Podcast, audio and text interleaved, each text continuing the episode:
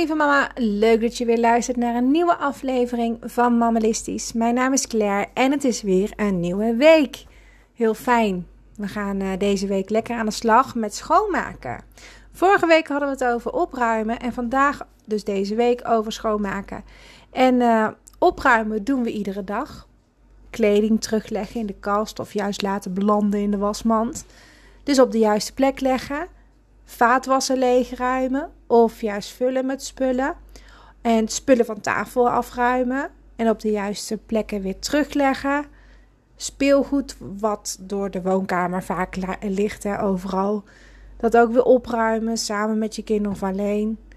Terugleggen op die vaste plekken. Opruimen is dus iets wat we eigenlijk elke dag doen. En waarschijnlijk ook de hele dag door. En daar apart van staat schoonmaken. Het heeft wel met elkaar te maken, maar daar kom ik zo op. Schoonmaken is dus de tafel afnemen, de vloer dweilen, een sopje maken en een doekje over dat speelgoed halen hè, wat, je, wat je weg wil leggen.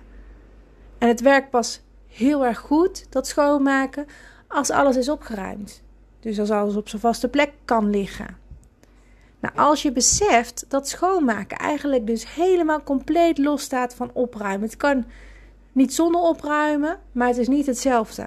Dan ga je ook anders plannen.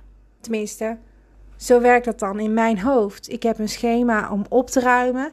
En ik heb ook een soort van schema om echt schoon te maken.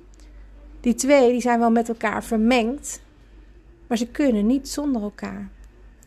Je start altijd met opruimen.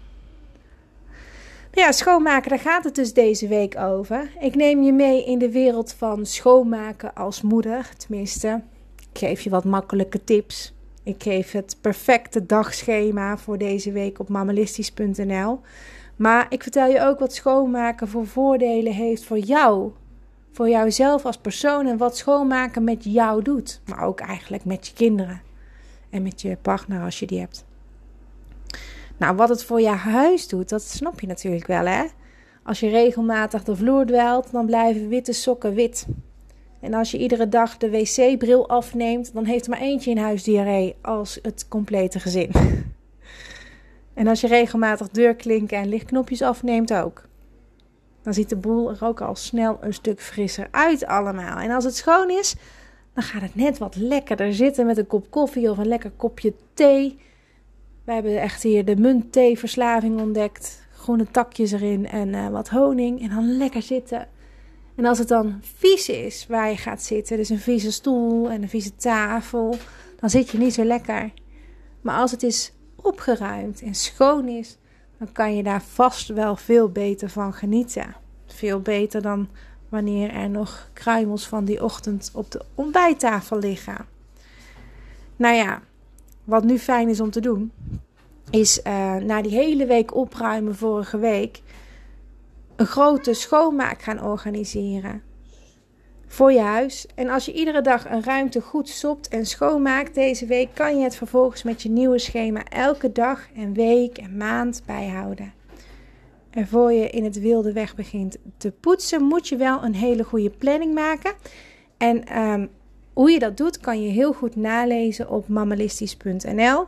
Ik heb een, uh, een schema, een voorbeeld geplaatst in mijn laatste blog.